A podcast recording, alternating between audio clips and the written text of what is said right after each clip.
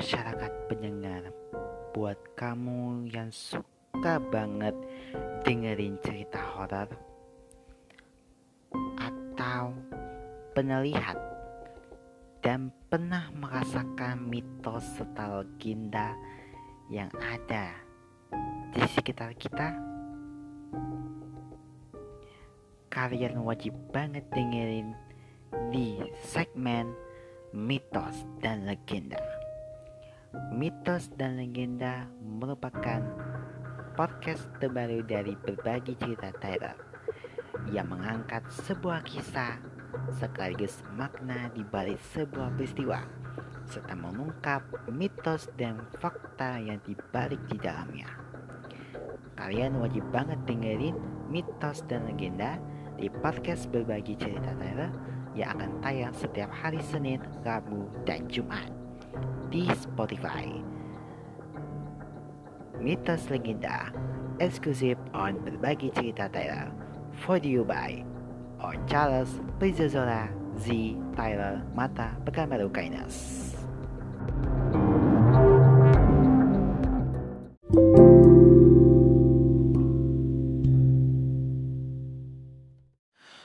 Ini adalah sebuah fakta yang belum kita ungkapkan dan semoga semua bisa tidur nyenyak karena kita masuk ke segmen fakta menarik dan unik.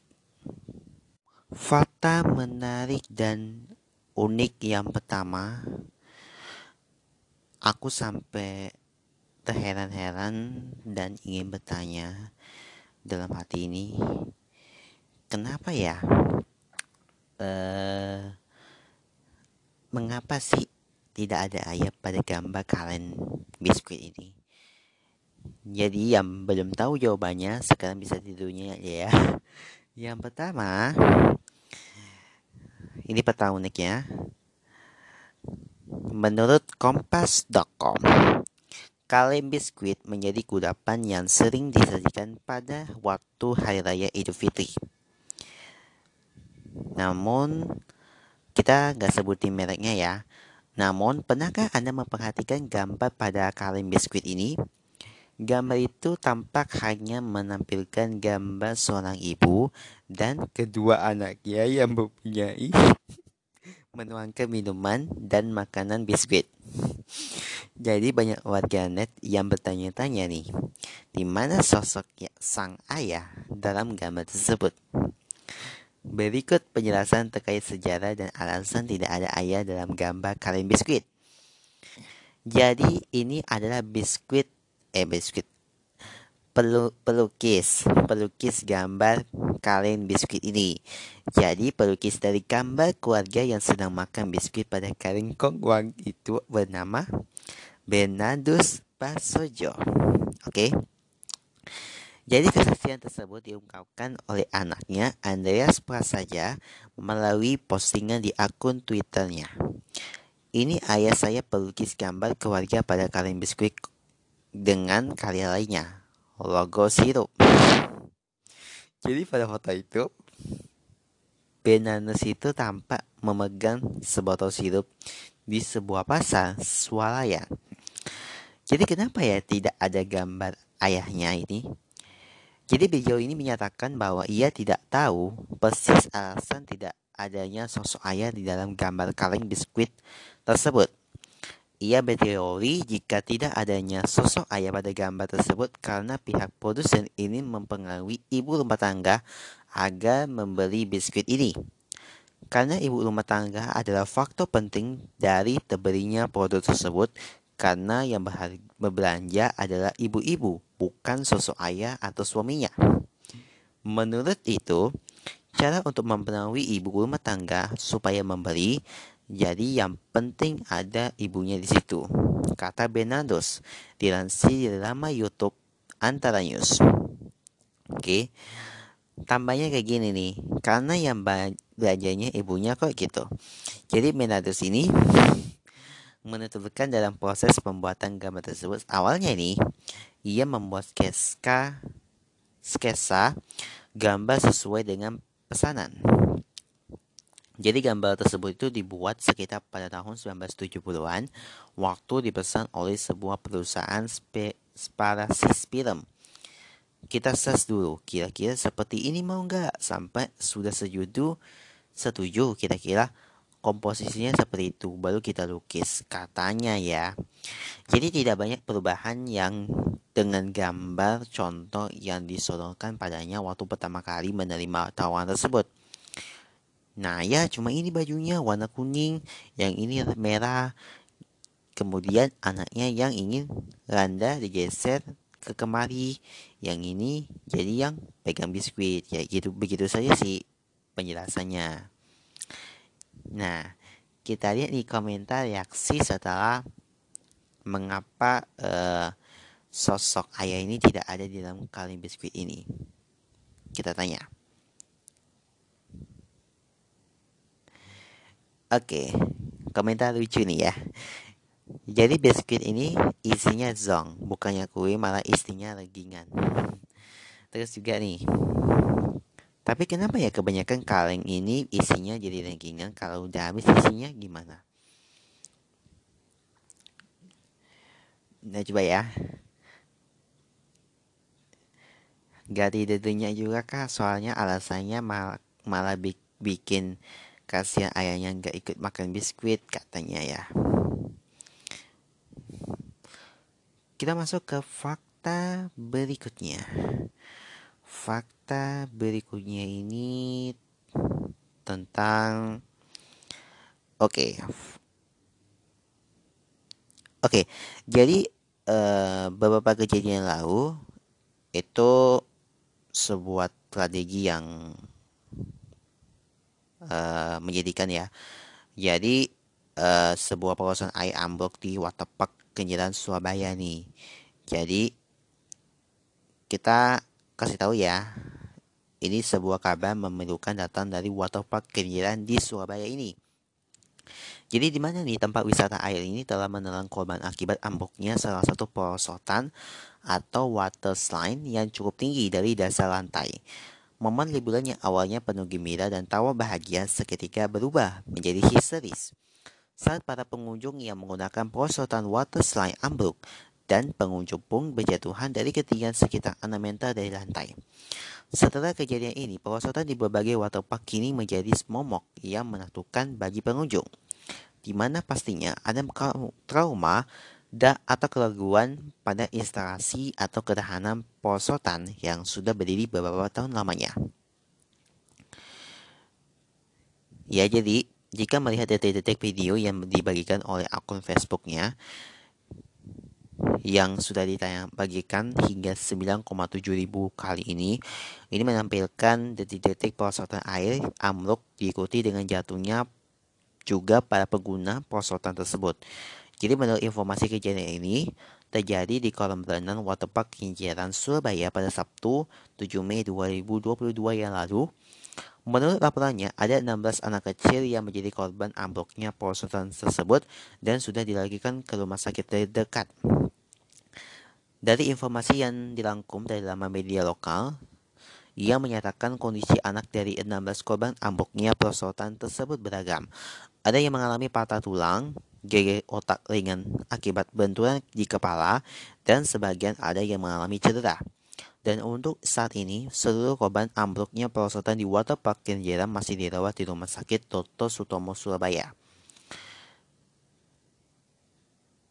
Jadi berbicara naas ya, kita memang uh, tidak bisa menyalahkan orang lain baik itu pemilik waterpark itu sendiri maupun pengunjung. Jadi marilah kita saling berbenah diri untuk lebih mematuhi segala aturan dan peraturan yang telah disampaikan oleh para pengembang wisata liburan apa pun itu termasuk pengolahnya ya. Jadi pelajaran yang kita dapat dipetik dari kejadian ini adalah selalu utamakan keselamatan agar saat menggunakan fasilitas umum yang sifatnya berisiko jika melebihi kapasitas. Selalu taati aturan yang peraturan yang berlaku di tempat objek wisata maupun fasilitas umum. Dan ini juga juga jadi pelajaran berharga ya bagi para pengelola wisata air di mana pun berada agar gimana ya lebih meningkatkan pengawasan dan sebaiknya diperlukannya adanya pintu penjagaan jika ingin menggunakan perosotan gitu. Jadi sehingga jumlah yang menggunakan perosotan ini bisa terkendali dan tidak melebihi kapasitas berbeda bebannya gitu. Dan kuncinya adalah perawatan rutin. Jadi mengingat setiap benda memiliki daya tahannya sendiri. Oke. Jadi video ini tidak ditampilkan karena mengandung jadi video ini tidak ditampilkan karena mengandung kengerikan atau yang dapat menimbulkan trauma jika ingin melihatnya akan di TKP ya. Jadi ada foto ambruk ini. Jadi ada komentar-komentar ya. Jadi kita akan bahas komentar yang pertama ini dari Ribul. Waduh, ngeri cuy. Pemandian kayak gini gak ada mainstreamnya ya. Kayak perbaikan gitu cek cek. Mungkin ada yang harus diganti atau gimana gitu. Tolong diperhatikan lah kasih pengunjung unsur gitu. Dari berikutnya nih dari DDR 5 Warrior ke depannya nih harus bersama-sama perhatian. Pengunjung mengatati peraturan yang sudah dibuat pengelola menempatkan petugas untuk mengawasi pengunjung dan memastikan bahwa semua wahana dan peralatan di sana dirawat dengan baik. Dan komentarnya terakhir nih dari Nadi Kalis. Liburan paling enak itu di rumah, rebahan, matiin semua notifikasi di medsos, nonton film, makan enak, tidur seger, nah itu pikiran. Gue kalau liburan jalan-jalan ke tempat wisata tuh bawaannya malah pegel gitu. Jalan ke kotak mah kalau urusan kerjaan apa saja sekalian GWS untuk semua korban ya. Oke. Jadi itu serem juga sih posisinya kepala tuh jatuh ke lantai pertama kali pas jadi ambruknya itu water park itu sendiri gitu. Serem juga ya. Jadi kita ada komentar lagi nih. Dari komen eh kita udah lama ya nggak baca cerita horor dari teman-teman ini. Ayo saatnya kita masuk ke segmen cerita horor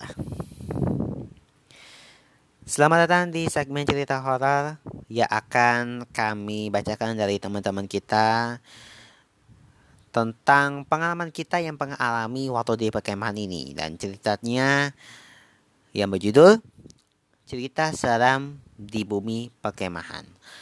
Langsung saja kita mulai ceritanya.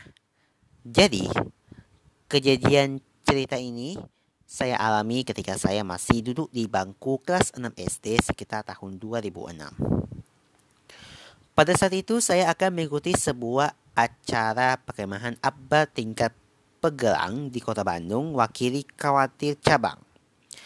Dua minggu sebelum keberangkatan menuju kota Bandung, Kalawati cabang ini kami mengadakan acara perkemahan selama empat hari sebagai latihan. Dengan memilih lokasi di sebuah objek wisata dan buatan yang sudah lama tertinggal. Lokasi perkemahan ini berjarak sekitar 3 jam perjalanan dari pusat kota, berada di tengah hutan dan kebun karet. Disebut dengan nama RK. Jadi total yang akan berangkat pada hari itu ke perkemahan adalah 52 orang, terdiri dari dua regu putra dan dua regu putri. Satu regu terdiri dari 10 orang, tiga orang pembina putra dan tiga orang pembina putri, dua orang pelatih putra dan dua orang pelatih putri, dua orang teknisi listrik dan mesin. Kami berangkat pada hari Rabu sekitar pukul 11 dengan menggunakan dua bus dan satu truk khusus barang. Sedangkan salah satu pembina yang akan kami panggil Romo Handi ini menggunakan mobil pribadinya bersama dengan tiga pembina lainnya. Di perjalanan, semuanya tanpa bahagia. Bahkan di bus sebelah yang tidak ber-AC, hak khusus untuk Regu Putra, mereka menyanyikan sambil bergitaria.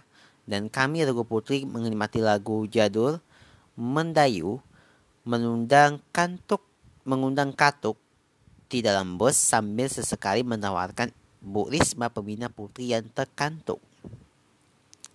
Semua berjalan lancar tanpa hambatan. Sepanjang perjalanan saya menatap keluar jendela sambil memperhatikan jalan yang semakin lama semakin sepi dari peradaban. Jarak antara desa yang mulai jauh diselingi beberapa kebun dan hutan ada rasa kurang nyaman hinggap di hati saya. Mengingat ini adalah pengalaman pertama saya pergi jauh dari rumah mengingat pula. Namun saya berusaha untuk menipisi semua perasaan itu dengan berpikir bahwa kami akan melakukan kegiatan yang menyenangkan.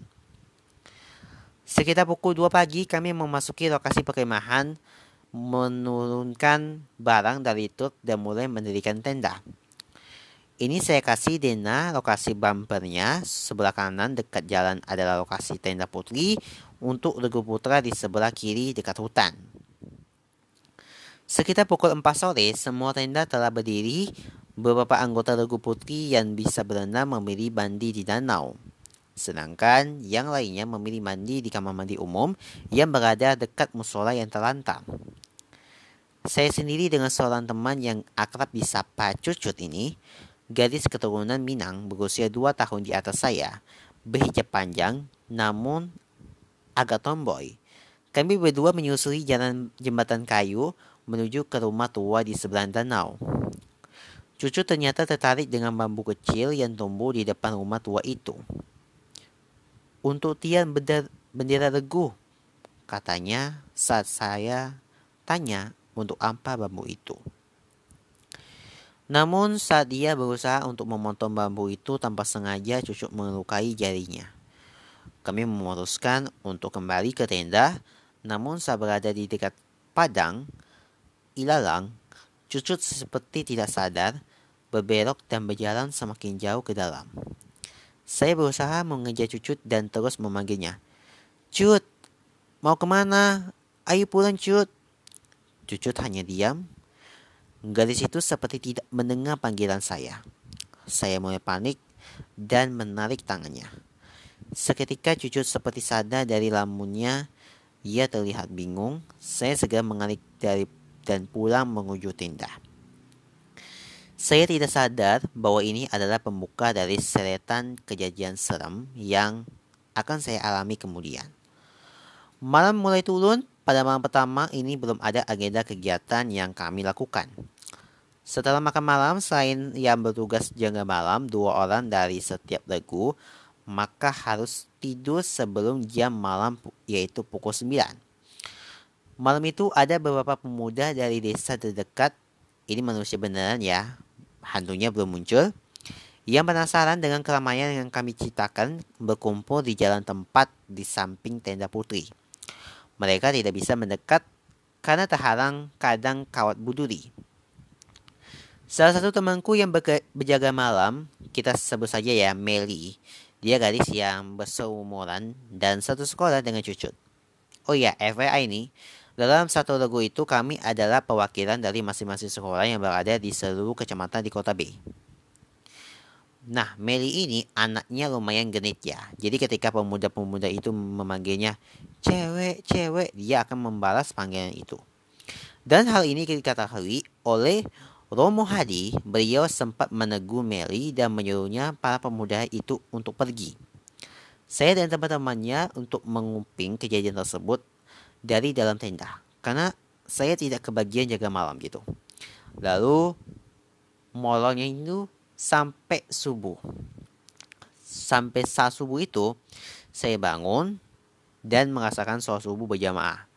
Setelah sholat saya mendapatkan tugas untuk mengambil air di sumur yang ada di tengah tebung karet tuh. Ya, kalian bisa lihat ya dengannya yang bisa biar bisa ya bayangin lokasi sumurnya itu gimana. Jadi eh yang di di bawah itu adalah danau.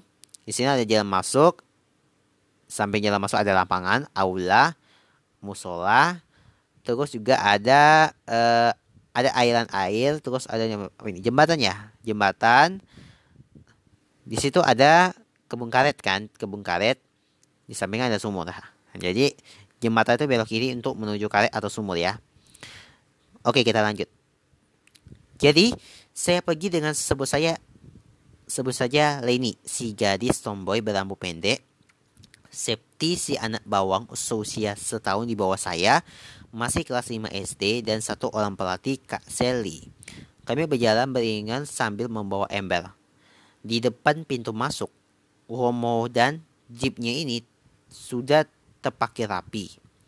Hati-hati ya kalian, katanya, tapi tidak berniat menghantar kami.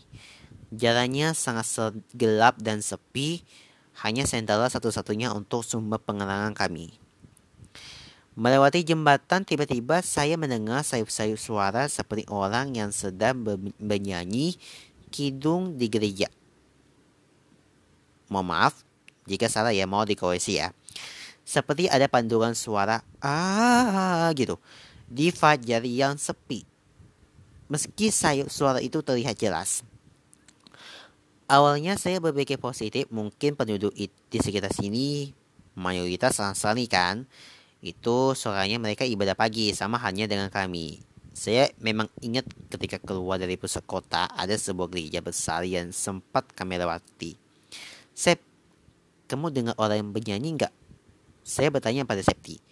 Dia sejenak terlihat mencoba untuk mengangkat bunyian tersebut, tetapi kemudian ia menggeleng. Enggak kak, gitu. Seketika bulu kudus saya merembang bersuara apa gitu kan. Saya bergegas untuk berjalan mendekati dua orang di depan, memasuki kebun karet yang gelap, berburu-buru, menimba air, dan berjalan kembali menuju tenda. Setelah itu, kami melanjutkan agenda dengan lari pagi menuju desa terdekat, melewati jembatan. Nah ternyata ini desa itu lumayan jauh, dan jarak antara rumah satu dengan yang lainnya itu juga jauh.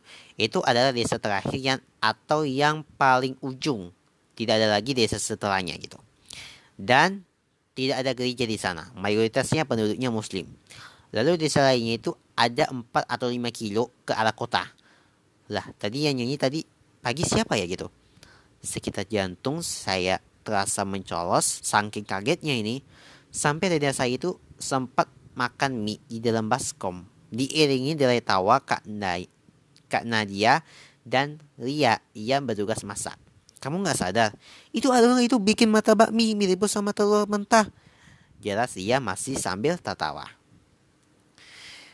Nah, setelah sarapan dan apel pagi, Romo Hadi yang peniwan itu mengeluarkan perintah agar posisi tenda putra ditukar dengan tenda putri. Jadi yang awalnya tenda kami bersebelahan dengan jarak jalan, kini malah mendekati hutan tempat di belakang musola telantar. Alasannya ini karena kejadian Meli yang digoda oleh pemuda-pemuda desa kemarin malam. Kemarin malam mereka hanya di luar. Kata bisa bisa saja sih malam ini mereka masuk. Romo Hadi ini sangat tegas walau ia hanya pembina yang diperbantukan. Semua perintahnya adalah mutlak Akhirnya setengah hari kami berhabiskan untuk membangun kembali tenda-tenda kami. Setelah makan siang dan sholat suhu agenda, dilanjutkan dengan pelajaran tali menali. Setelah selesai sekitar pukul 3 sore, kami masih ada waktu santai. Salah satu pelatih kami, sebut saja Pahen, menyuruh kami untuk membentuk lingkaran. Dia mulai bercerita pengalaman berkemah di Malaysia. Dan berlanjut dengan cerita misis pendakian di salah satu gunung. Bagai gayuk bersambut, akhirnya salah satu teman seleguku kita sebut dia Tia gitu, Tina gitu. Usianya tiga tahun di atas saya. Anaknya ini tengil dan usil. Dia berkata bahwa Yuli yang masih keponakannya Romo semalam melakukan uji nyali saat berjaga malam. Awalnya Yuli itu tidak mau bercerita, namun setelah kami me semuanya memaksa ia mulai bercerita, Tadi malam Romo Hari menyuruh berkeliling lapangan seorang diri seba, sebanyak beberapa putaran. Setelah itu Yuli itu ditanya melihat apa aja gitu. Tapi Yuli menjelaskan bahwa ia tidak melihat apa pun. Bahkan Romo ini sampai berulang kali bertanya, benar kamu tidak lihat apa pun gitu. Dan Yuli sangat yakin tidak melihat apa pun. Berbeda dengan Tina yang menunggu di dekat aula ia melihat seorang wanita berbaju putih duduk di atas jeep Romo Hadi yang diparkir di tengah lapangan. Posisinya itu membelakangi Tina dan lagi menurut Tina seisi lapangan yang dikelilingi Yuli adalah kuburan. entah itu nyata atau ilusi ya, tapi Tina itu yang tengil itu lebih yakin bahwa itu hanyalah perbuatan para pelatih yang biasanya itu dilakukan untuk menakut-nakuti peserta perkemahan hingga ke akhirnya ia mengalami kejadian aneh lainnya. Jadi setelah Yuli kembali dari acara uji narinya ini, mereka, Yuli, Tina, Leni, dan Umi, tim jaga Regu Putri, serta satu orang anggota Regu, putra yang juga berjaga malam, kita sebut saja Pindo, duduk mengelilingi api di tengah-tengah lapangan depan tenda. Tiba-tiba, Lenny berkata gitu. Di sini banyak kucing ya. Tapi kenapa ya di atas pohon semua? Sambil melihat berkeliling ke lembaknya pepohonan gitu. Memang di sana itu terlihat ada beberapa pasang mata gitu yang tampak bersinar dalam kegelapan seperti mata seekor hewan. Itu bukan kucing, jangan lihat gitu kata Pindu yang ternyata adalah anak Indihome eh Indigo ya Indigo ya. Memang apa kalau bukan kucing kata Tina dengan penasaran itu pocong gitu kan. Kata Pindu dengan santai sedangkan ketiga gadis ini kecuali Tina di depan itu sudah pucat pasi. Isi rame rame banget gitu. Ketiga gadis tim jaga ini memutuskan untuk merapat di ke depan tenda dan Pindu memilih untuk berkeliling Nah, sedangkan Tina ini membeli rebahan di dalam sleeping bagnya di dekat ampi unggun. Ketika ia mulai mengantuk, ia melihat sesosok berdiri di, de di dekat kepalanya. Dia melihat sesosok berdiri di dekat kepalanya. Tina merasakan hawa dingin dari sosok itu. Sosok tinggi berbulu hitam dan matanya yang kuning kehijau-hijauan. Tina itu yang sudah mulai mengantuk malah tidak bisa memejamkan matanya. Dengan dari posisinya terlantang, ia memilih untuk miring ke kanan. Meskipun Tina ini tergolong berani ya, tapi namun dilihat dari jarak sedekat itu, mau tidak mau sih membuat nyalinya cuy juga. Entah berapa lama ya akhirnya tidak Tina itu tertidur gitu. Acara cerita-cerita selam itu diakhiri dengan kibauan dari kakak pelatih lain untuk bersiap mandi untuk melanjutkan agenda kegiatan selanjutnya nih. Malamnya setelah selesai sholat isya berjamaah, agenda kegiatan adalah materi dari pembina adalah kami semua berkumpul di aula, duduk dengan posisi menghadap ke arah lokasi tenda. Oleh, gue ulangi. Agenda kegiatan adalah materi dari pembina, kami semua berkumpul di aula, duduk dengan posisi menghadap ke arah lokasi tenda. Saya duduk di barisan bal barisan paling belakang sebelah kiri, paling ujung menghadap pas dengan musola. Sebelah kanan saya ada Kak Nadia. Nah, saat acara tengah berlangsung, fokus saya itu kepada pelatih yang menyampaikan materi. Tiba-tiba menjadi buya ketika karena sekitar saya ya melihat sesuatu yang aneh di depan musola itu. Karena penasaran saya langsung menoleh ke arah, melihat ke arah musola. Sekitar seketik seketika saya merasakan ketakutan. Di sanalah di depan musola yang berjarak sekitar 6 atau 7 langkah orang dewasa itu berdiri sesosok pocong. Pocong yang sama dengan yang sering saya lihat di film-film horor. Bedanya itu yang ini tingginya hampir 2 meter. Bermukanya itu hitam seperti gosong, hanya matanya saya yang bersinar dalam kegelapan. Saya mencoba untuk melapaskan beberapa surat pendek yang saya pelajari di tempat mengaji. Saking ketakutan saat melapaskannya terdengar juga berbunyi gem apa ya? Bunyi gemeletuk ya dari gigi giginya saya itu yang saling beradu karena gemetaran gitu. Saya mencoba untuk memberitahu Kak Nadia, Kak Naya itu ini di sebelahnya sih tapi saya tetap fokus ke, ke menyimak penjelasan pelatih. Hingga akhirnya setelah beberapa lama saya berhasil membuat mengoleh dan saya berbisik, Kak ada pocong di depan musola. Oke, itu tadi tapi ini serem juga ya, tapi sosok pocong di di depan musola itu parah sih dan ini masih belum lanjut ya ceritanya ya kejadiannya apa dan beberapa ada sih yang kita mau bahas cerita selam di bumi bagaimana juga seram-seram juga ya oke Oke, sekian dulu ya episode kita kali ini di segmen cerita horor. Apa kalian merinding cerita ini? ya semoga ya kita tidak kejadian di dunia nyata ya dan bisa selalu lindungan yang maha kuasa. Oke cukup sekian dulu episode kita kali ini dan sampai jumpa lagi di episode berikutnya. Bye bye. Sampai jumpa.